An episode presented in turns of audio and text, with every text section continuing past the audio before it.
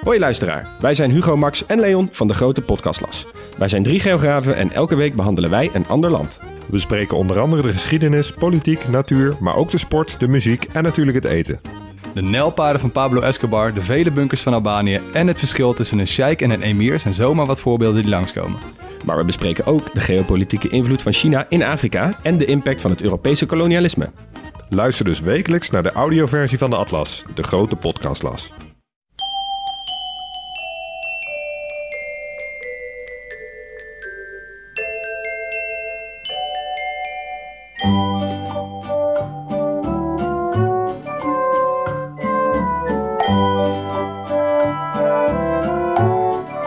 Bij aflevering 341 van Echt Gebeurd, de podcast waarin mensen hun eigen waargebeurde verhalen vertellen. In deze aflevering een verhaal dat Martine Bakker in december 2016 vertelde tijdens een verhalenmiddag met als thema Donkere Dagen.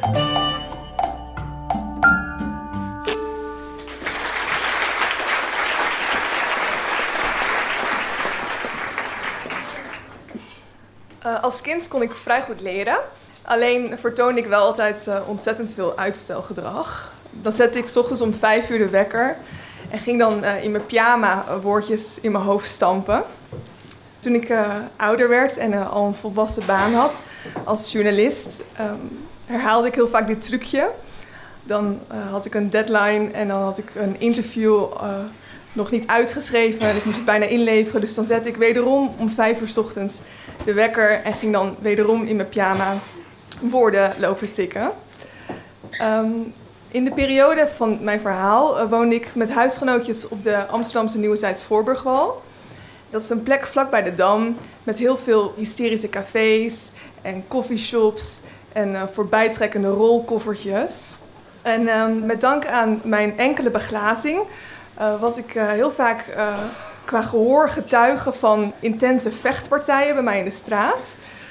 Uh, maar ook bijvoorbeeld uh, drugstrips van, uh, van toeristen, die beleefde ik mee met ze. Op de avond van mijn verhaal stormde het heel erg. Er was heel veel bliksem en onweer. En ik liep regelmatig even naar het raam om te kijken of er geen water naar binnen lekte. En dan keek ik naar buiten en dan zag ik allemaal mensen door de straat lopen met paraplu's die zo binnenstebuiten waren geklapt. En mensen schuilen in portieken.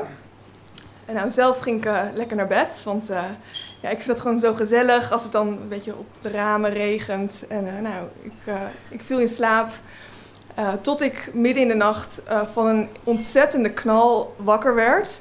en ik dacht dat er een, nou ja, soort atoombomachtig iets op mijn huis was gevallen.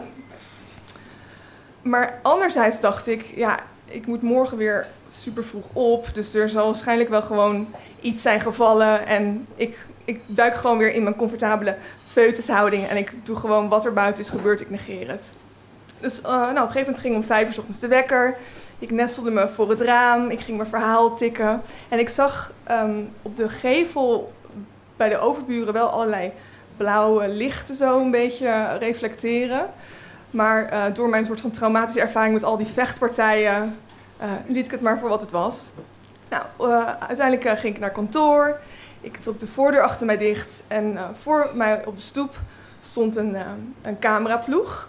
En overal uh, waren rood-witte linten afgezet. En ik vroeg aan een agent van wat is er aan de hand, maar hij hield alleen het lint voor mij omhoog en hij zei nou, fiets, maar, fiets maar gauw door. Eenmaal op kantoor waren mijn collega's ontzettend blij dat ik nog leefde.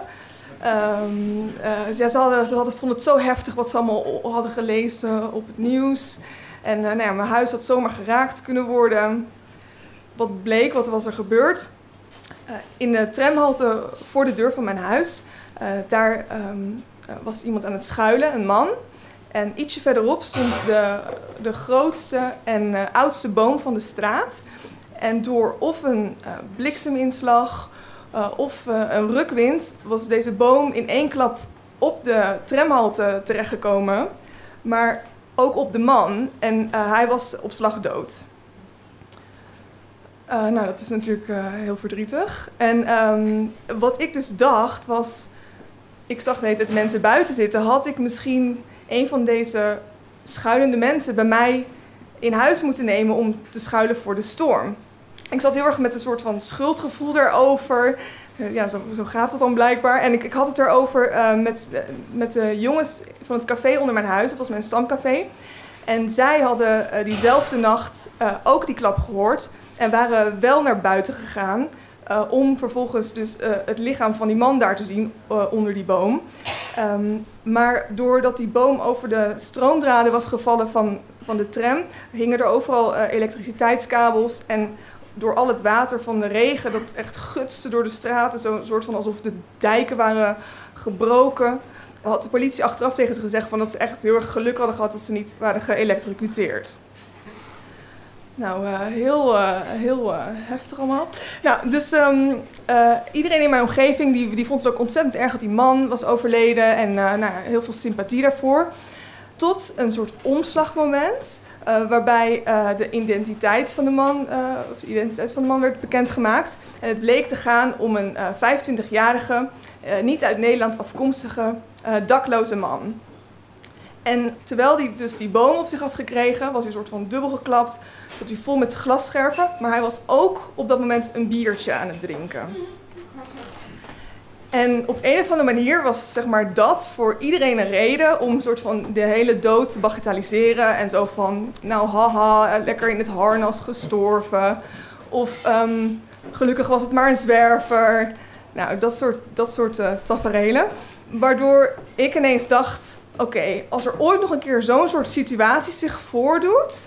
waarbij dakloze mensen echt uh, nou ja, een warm nest nodig hebben... dan ga ik als een soort van moeder Teresa-achtig Dalai Lama figuur, dan neem ik ze gewoon bij mij in huis.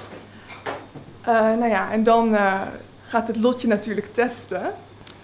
Dus uh, zo zat ik een tijd later nou, wederom in dat stamcafé. Toen er twee backpackers aankwamen en, en mij de weg vroegen naar hun hotel vlakbij Schiphol. En ik zat een beetje te kijken op mijn telefoon hoe ze daar konden komen, maar er, gingen geen bussen meer of treinen. En uh, nou, het, was, waren een jongen en een meisje uit Denemarken. En uh, het meisje begon ontzettend te huilen. En de jongen die zei van... Oh, maar we zijn al, al, al, zo lang aan het ronddwalen. En we hebben het zo koud. En we hebben ook geen geld voor een taxi. En ik voelde best wel veel weerstand. Omdat ik eigenlijk weer om vijf uur ochtends op wilde. Omdat ik deadlines had. Maar dat was dus het moment waarop ik dus die nacht... Uh, nou ja, twee dakloze backpackers in mijn slaapkamer had liggen in de ochtend stond ik vroeg op en uh, nou, zij lagen nog rustig te slapen. Ik zelf had iets minder rustig geslapen, want ja, ik was toch ergens een beetje bang voor ze. Want ik dacht, ja, het kan natuurlijk ook zo zijn dat ze me gewoon in mijn slaap vermoorden. En dan me ingewanden eruit halen of zo. Om te verkopen op een zwarte markt. En dan, ja. Dan hebben ze alsnog geld om naar Schiphol te gaan. Maar ja, goed. Nou, dat was allemaal niet gebeurd en dat meisje lag er ook heel schattig bij. En die jongen die opende zo'n één oogje. Dus ik zei van, uh, nou trekken jullie dan straks uh, de deur gewoon achter je dicht? En uh, nou, toen ging ik naar kantoor. Dus eerst was ik heel rustig en toen dacht ik, maar zij zijn nog in mijn huis.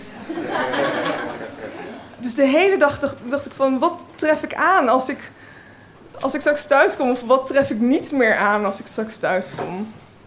uiteindelijk, uh, de hele, door de hele dag geworsteld, kwam ik thuis. Mijn huis stond er gelukkig nog. Uh, de backpackers waren wel vertrokken.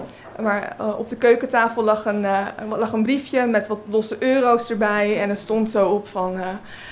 nou, dit is het laatste geld wat we nog hadden voor jullie. Want jullie hebben ons gered. Nou, van, van dat geld hebben mijn huisgenoten en ik blikken bier gekocht. En uh, hebben we geproost op de man in de tramhalte.